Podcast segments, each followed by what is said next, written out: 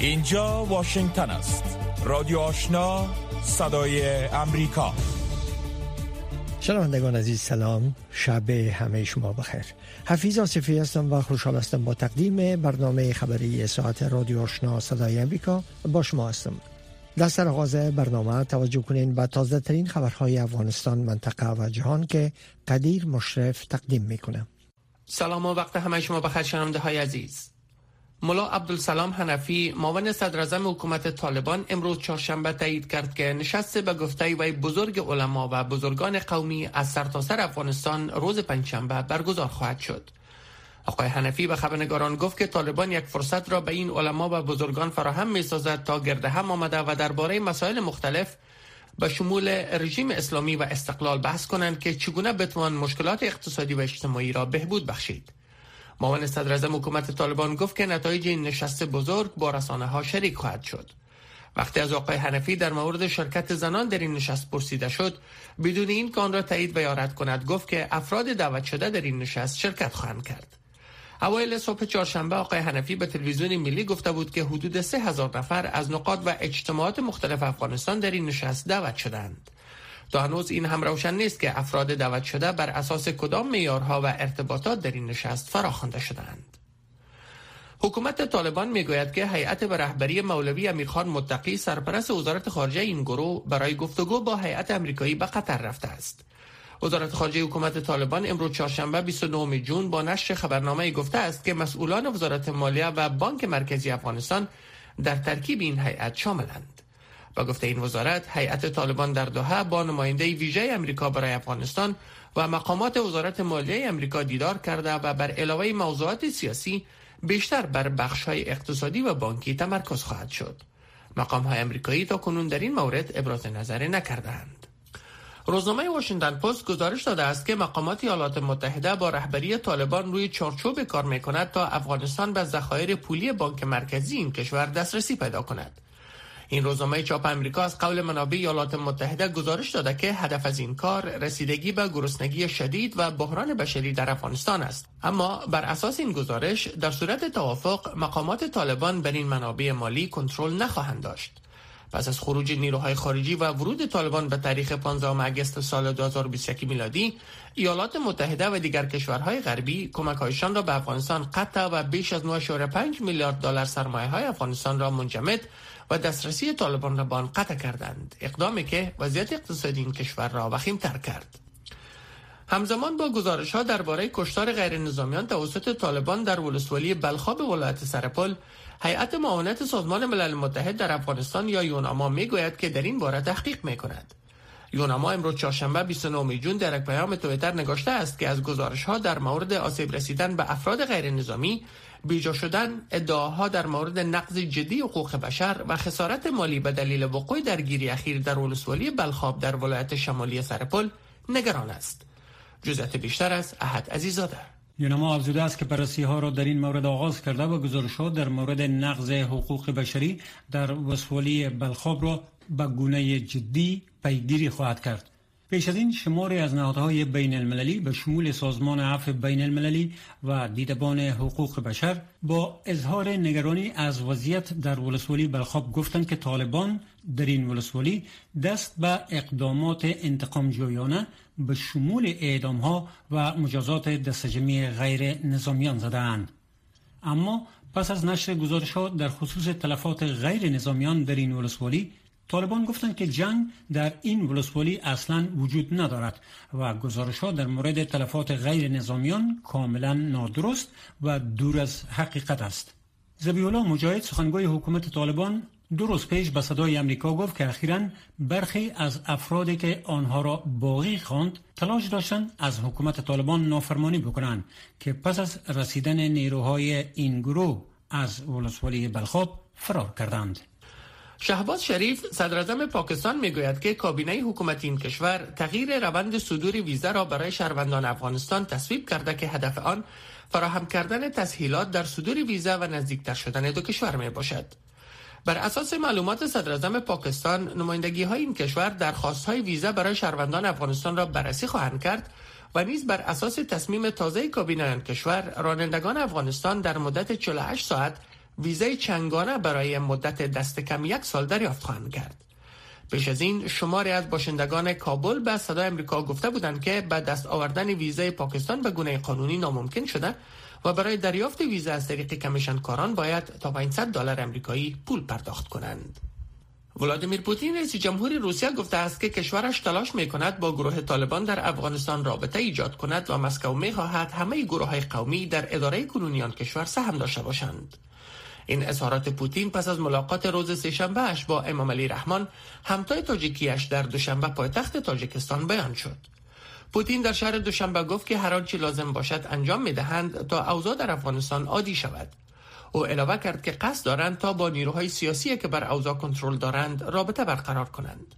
قرار است پوتین امروز چهارشنبه 29 جون به اشقابات پایتخت ترکمنستان برود و در اجلاس سران کشورهای حاشیه بهیره خزر کسپیان از جمله رهبران آذربایجان، قزاقستان، ایران و ترکمنستان شرکت کند.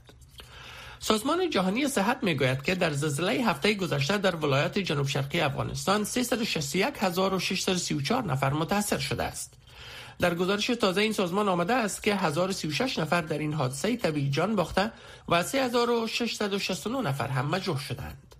با گفته این سازمان در نتیجه این زلزله که شدت آن 5.9 به مقیاس ریکتر ثبت شد 4500 منزل مسکونی به گونه قسمی و یا هم کامل تخریب شده است.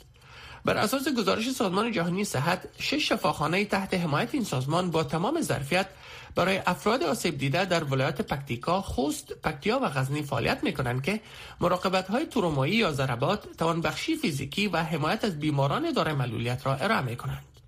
با توجه به وضعیت ارائه خدمات صحی در نقاط آسیب دیده نگرانی ها از بدتر شدن حالت مجروحین زلزله در ولایات زلزله زده بیشتر بوده است ادامه خبرهای افغانستان منطقه و جهان را از رادیو آشنا میشنوید جو بایدن رئیس جمهوری ایالات متحده می‌گوید که با در نظر داشت تهدیدها از جانب روسیه ایالات متحده نوعیت استقرار نظامی خود را در اروپا تغییر می‌دهد. جو بایدن که روز چهارشنبه قبل از برگزاری نشست سران پیمان ناتو در مدرید پایتخت اسپانیا صحبت می‌کرد گفت که ایالات متحده تعداد کشتی های جنگی خود را در اسپانیا از چهار کشتی به شش کشتی افزایش خواهد داد. با گفته رئیس جمهور بایدن واشنگتن دو تیاره اضافی F-35 را به بریتانیا مفرستد و پنجمین قرارگاه نظامی را در پولند تأسیس خواهد کرد. تهاجم روسیه بر اوکراین ناتو را واداشته است که نظامیان و تجهیزات بیشتر را به شرق اروپا بفرستد به پیمانه که از زمان جنگ سرد کنون نظیر نداشته است. نورعلی محسود رهبر گروه تحریک طالبان پاکستان می‌گوید که هیچ گونه پیشرفت بزرگی در مذاکرات با حکومت پاکستان رونما نشده است. این مذاکرات به میزبانی حکومت طالبان در کابل در ماه می آغاز شد. این اظهارات محسود در یک پیام ویدیویی امروز چهارشنبه به نشر رسید. مذاکرات میان این گروه با حکومت پاکستان در حال جریان دارد که آتش بس نیز میان دو جانب انفاذ شده است. پاکستان از حکومت طالبان خواهان میانجیگری در تسهیل روند مذاکره با این گروه شده بود. تحریک طالبان پاکستان مسئول حملات متعدد در طول 14 سال گذشته در پاکستان دانسته شده و این گروه روی هدف آنچه انفاذ قوانین اسلامی در پاکستان می‌خواند علیه حکومت پاکستان مبارزه می کند. ولادیمیر زلنسکی رئیس جمهور اوکراین امروز چهارشنبه از ناکامی ناتو برای پذیرش کشورش در آن پیمان ابراز تاسف کرده و خواهان ارسال سلاحهای بیشتر به اوکراین شد. جزئیات بیشتر از سحر عظیمی آقای زلنسکی که از طریق یک لینک ویدیویی در نشست سران ناتو صحبت می کرد ابراز تأسف کرد که ناتو از اوکراین به گونه کامل استقبال نکرده است. او با انتقاد از عملکرد ناتو گفت که آیا دفاع اوکراینی ها از اروپا و تمدن اروپایی کافی نبوده است؟ ولادیمیر زلنسکی هشدار داد که یا باید به اوکراین کمک کنند تا روسیه را شکست دهد یا هم به گفته وی با یک جنگ تأخیری با روسیه مواجه خواهند شد. ینس استولتنبرگ منشی عمومی ناتو پیش از آن اذعان کرد که این اتحاد در جدیترین بحران امنیتی قرار دارد که از زمان جنگ جهانی دوم با آن مواجه بوده است. نشست سران سی کشور عضو پیمان ناتو در شهر مدرید اسپانیا آغاز شده است. ماریا زخاروف سخنگوی وزارت خارجه روسیه حمله بر مرکز مزدحم خرید در شهر کرمنچوک را رد کرده و آن را یک ادعای دروغین دیگر اوکراین عنوان کرد.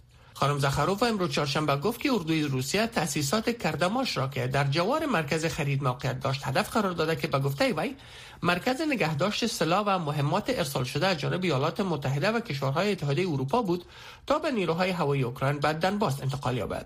سخنگوی وزارت خارجه روسیه همچنان اظهارات انالینا بربوک وزیر خارجه آلمان را رد کرد که روسیه را به استفاده از بحران غذایی به عنوان یک حربه متهم کرده است. حمله بر مرکز مزاحم خرید در اوکراین واکنش های بین‌المللی را برانگیخت و رئیس جمهور اوکراین گفت که این حمله تصادفی نبود و روسیه را به حمله حساب شده علیه غیر نظامیان کشورش متهم کرده و افزود که این حمله یکی از جاسورانه ترین حملات به گفته و تروریستی در تاریخ اروپا است. اردوی اوکراین امروز چهارشنبه گفت که اقدامات خصومت آمیز روسیه در مناطق مختلف اوکراین ادامه داشته و تهدیدات حملات هوایی از جانب بلاروس وجود دارد. الکساندر شتوپون سخنگوی منطقه دونتسک اوکراین گفت که نیروهای روسی بر حفظ مواضع اشغال شده تمرکز داشته و در مناطق نزدیک سرحد روسیه از سیستم های پرتاب میزایل های چندگانه و توپخانه نیز استفاده شده است. آقای شتوپون این را هم گفت که کشتی جنگی فدراتیو روسیه در بحیره سیاه عملیات را برای مسدود کردن ارتباطات بحری انجام می دهد و سه میزایل کروز برای استفاده آماده شدند. وزارت دفاع روسیه تا تهیه این خبر در این رابطه ابراز نظری نکرده است. و مقام های اتریش پس از قطع شدن ارتباط برخی قریه ها در ایالت جنوبی کرینتیا بر اثر لغزش گل و سرازیر شدن سیل در پی باران شدید وضعیت اضطراری اعلام کردند.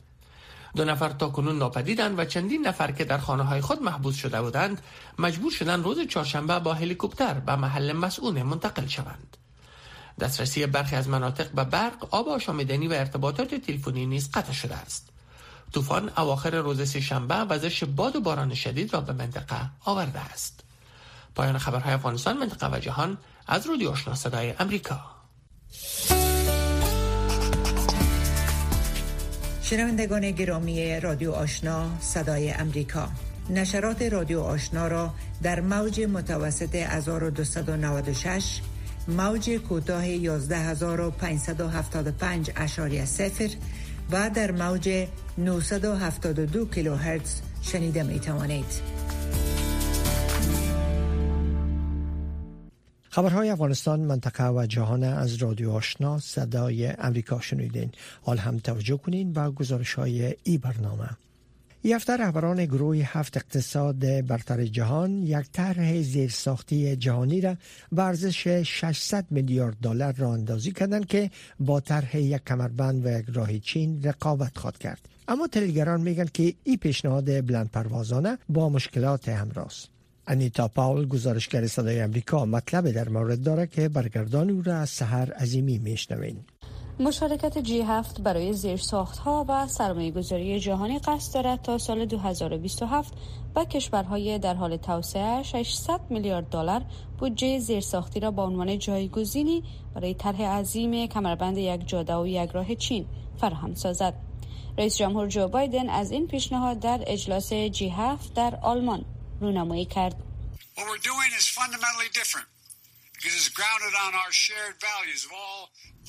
کاری که ما انجام می دهیم اساسا متفاوت است زیرا مبتنی بر ارزش های مشترک ما برای همه کسانی است که نماینده کشورها و سازمان های هستند که پشت سر من هستند این طرح با استفاده از بهترین شیوه های جهانی ساخته شده است که شامل شفافیت، مشارکت، حمایت از نیروی کار و محیط زیست می شود. یک سوم بودجه از ایالات متحده و بقیه از سایر کشورهای ثروتمند جی هفت تامین می شود و در این مدل استفاده از سرمایه گذاری های متوسط دولت و ایجاد استانداردهای بالا که برای اهرم مالی بخش خصوصی طراحی شده است استفاده می شود. این ابتکار راه اندازی مجدد طرح دوباره سازی دنیایی بهتر است که سال گذشته توسط جی هفت اعلام شد. دان همیلتون از مؤسسه بروکنز می گوید غرب واقعا چند سال بود که روی فرمان این استفاده از اتصال زیرساختی به عنوان ابزار برای گسترش نفوذ سیاست خارجی فکر می کرد و بنابراین آنها اکنون در یک پروژه متحد گرد هم می آیند تا به نوی این را پیش ببرند. طرح جی 7 بر اتصال دیجیتال برابری جنسیتی، امنیت سلامت، اقلیم و امنیت انرژی تمرکز خواهد کرد. مشخصا در مناطقی که هنوز تحت سلطه سرمایه‌گذاری چین نیست. اما رعایت استانداردهای غرب در زمینه کار و محیط زیست ممکن است برای کشورها چالش برانگیز باشد. لوکاس مایرز کارشناس از مرکز ویلسن در این مورد می‌گوید با توجه به سطح سهولت سرمایه گذاری های چین این سرمایه گذاری ها اغلب بسیار جالب است. زیرا در نهایت در حالی که شما یک کشور در حال توسعه هستید اکنون زیرساخت را می خواهید بیجینگ این ابتکار را با عنوان رویکرد بازی با جمع صفر محکوم کرد. ژانالژیان سخنگوی وزارت خارجه چین گفت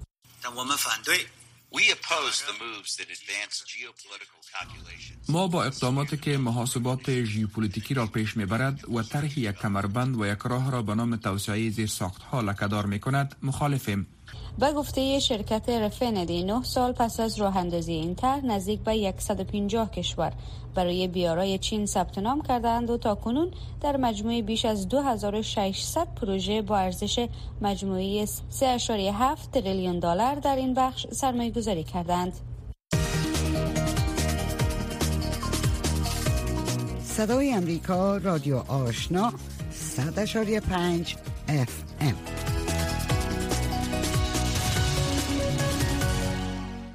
وزارت خارجه حکومت طالبان روز چهارشنبه 29 ماه جون با نشر خبرنامه گفته که هیئت رهبری مالوی امیرخان متقی سرپرست وزارت خارجه گروه برای گفتگو با هیئت امریکایی به قطر رفته.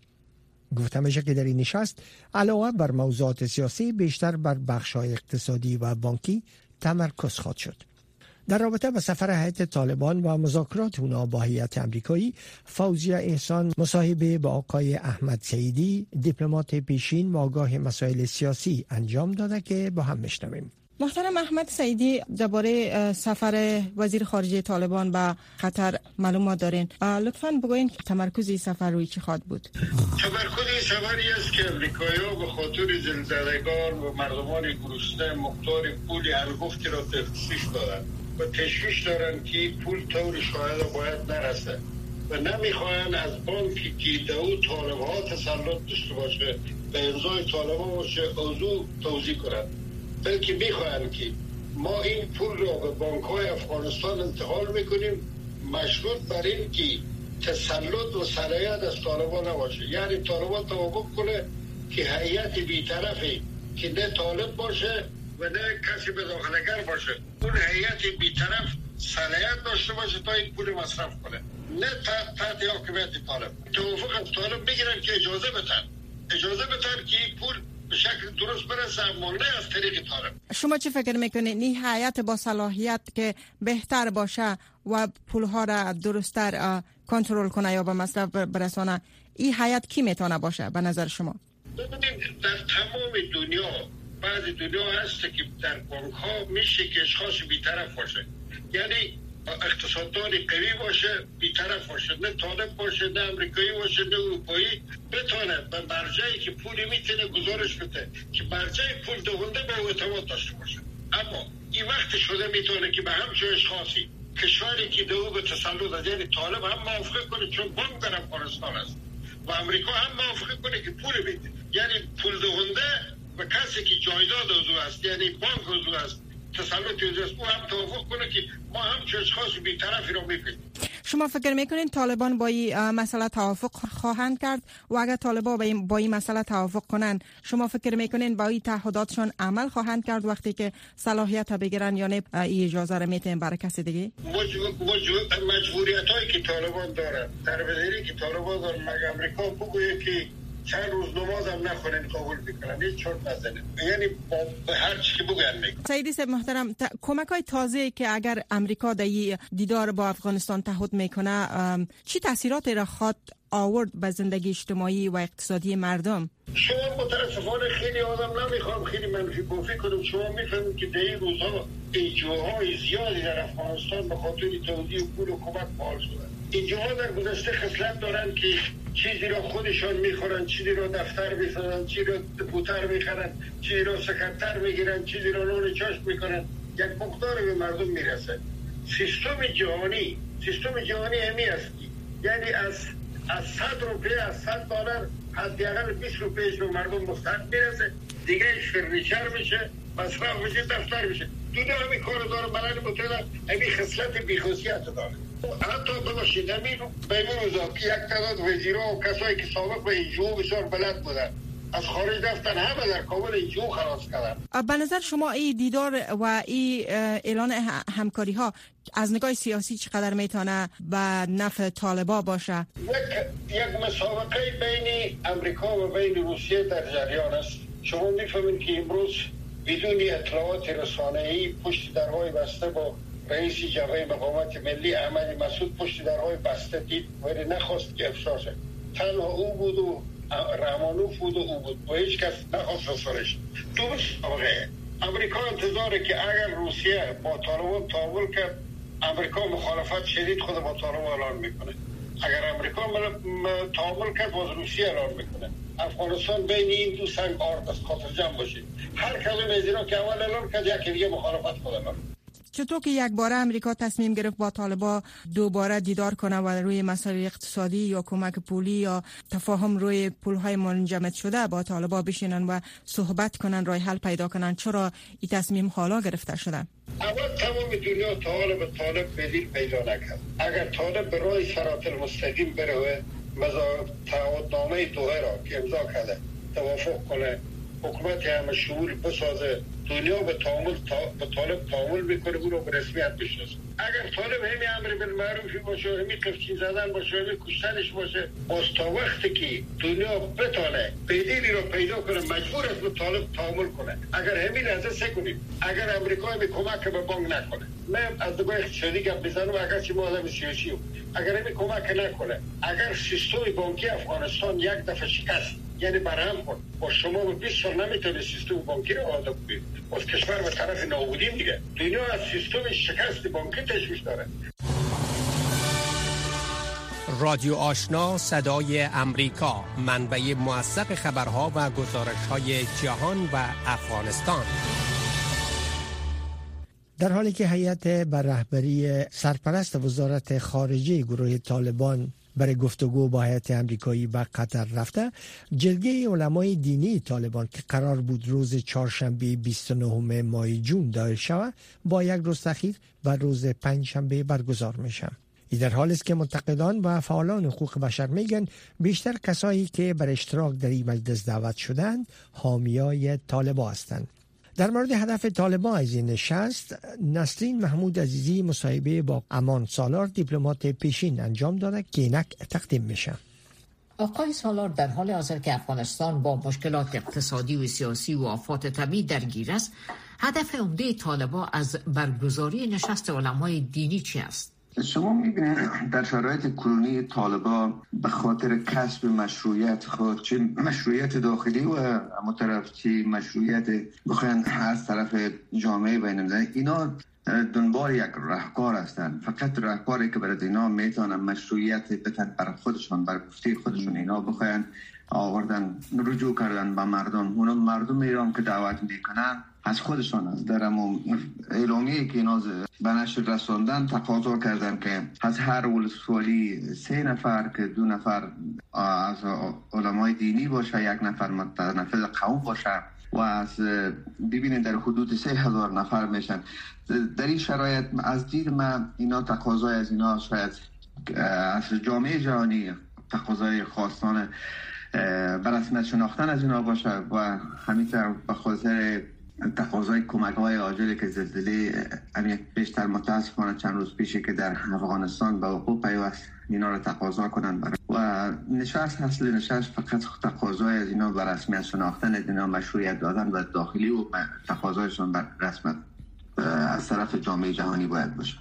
در که زنا و اقوام دیگه در این نشست دعوت نشدن ناظران حقوق بشر میگن که این یک جرگه فرمایشی است آیا شما هم امی موضوع را تایید می‌کنید خب خود جرگه معلوم میشه که وقتی که خانما حضور نداره یک بخشش از این کار میلنگه شما یک نصف پیکر جامعه را که خانما هستن حضور فعال دارن اینا رو شما در نظر نبگیرن خود از این هزینه نقض به وجود میه خود جرگه نمی‌تونه که برای مردم برای تمام مردم افغانستان و بخصوص برای جامعه بین الملل اینا جرگه را باید دایر کنن و مردم از این جرگه پشتیبانی کنن این جرگه فرمایشی است این بزه به نحوه بیشتر خدمت گفتم یک مشروعیت برای خود و بتونن از این طریق از, از, جامعه جهانی تقاضا کنن و از کشورهای اسلامی تقاضا کنن در قسمت به رسمت شناختن از اینا.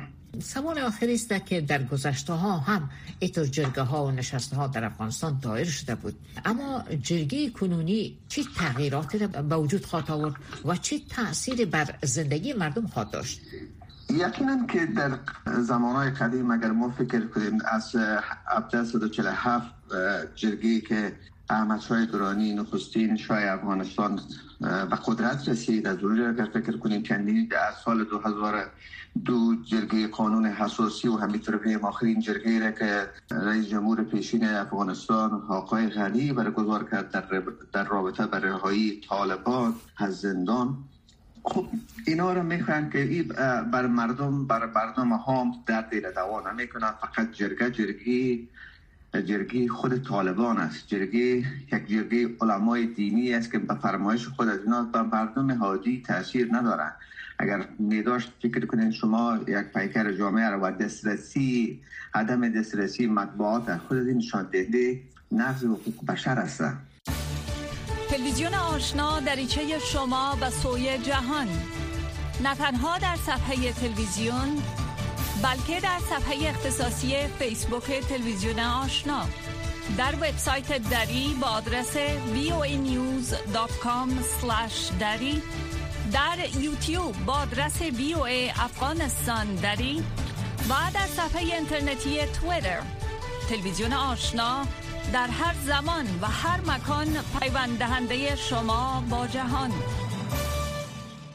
وقوع زلزله در مناطق جنوب شرقی افغانستان بر علاوه باشندگان افغان ماجران و پناهجویان پاکستانی را که در این مناطق به سر می هم متاثر ساخته. این پناهجویان پاکستانی با وجودی که تقریبا یک دهم میشه که در این مناطق زیست دارند و در واقع اخیر زلزله متاثر شدن به خاطری که شهروند افغانستان نیستند از گرفتن کمک های سازمان های بین محروم ساخته میشن شرح بیشتره؟ از فرخنده پیمانی میشنوین گلنایب خان یک پناهجوی پاکستانی است که از هشت سال بدین با اعضای خانوادهش در ولسوالی اسپیرای ولایت خوست زندگی می کرد. او یک تن از هزاران پاکستانی است که پس از سرکوبی مخالفین دولت پاکستان توسط اسلام آباد در شمال این کشور از وطن خود به افغانستان فرار کرد. خان از وضعیت بد خود در حالی که اشک در چشمانش است پس از زلزله شدید 5.9 ریشتری هفته گذشته که حداقل یک هزار نفر را در نزدیکی مرز با پاکستان از بین برد قسم می کند و ابراز تاسف می کند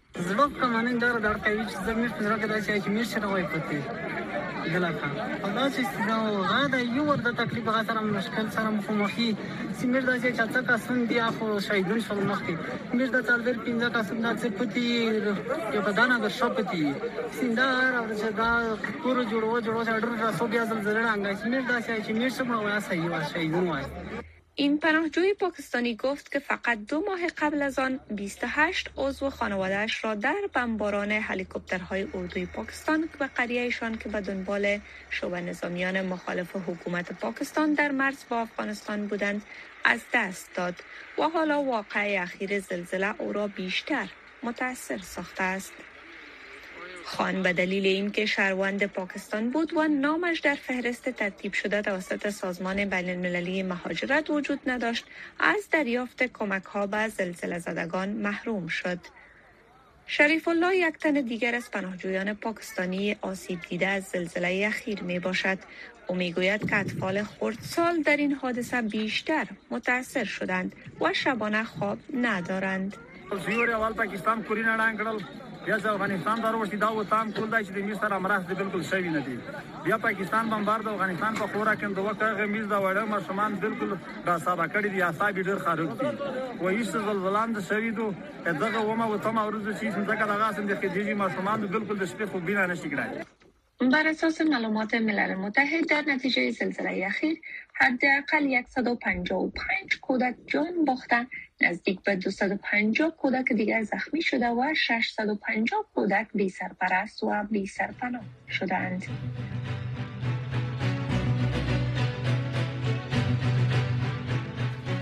شنوندگان عزیز این بود داشته های برنامه خبری که در همینجا به پایان رسید اما نشرات پشتو و دری رادیو آشنا صدای امریکا همچنان ادامه دارد شنونده رادیو آشنا باشید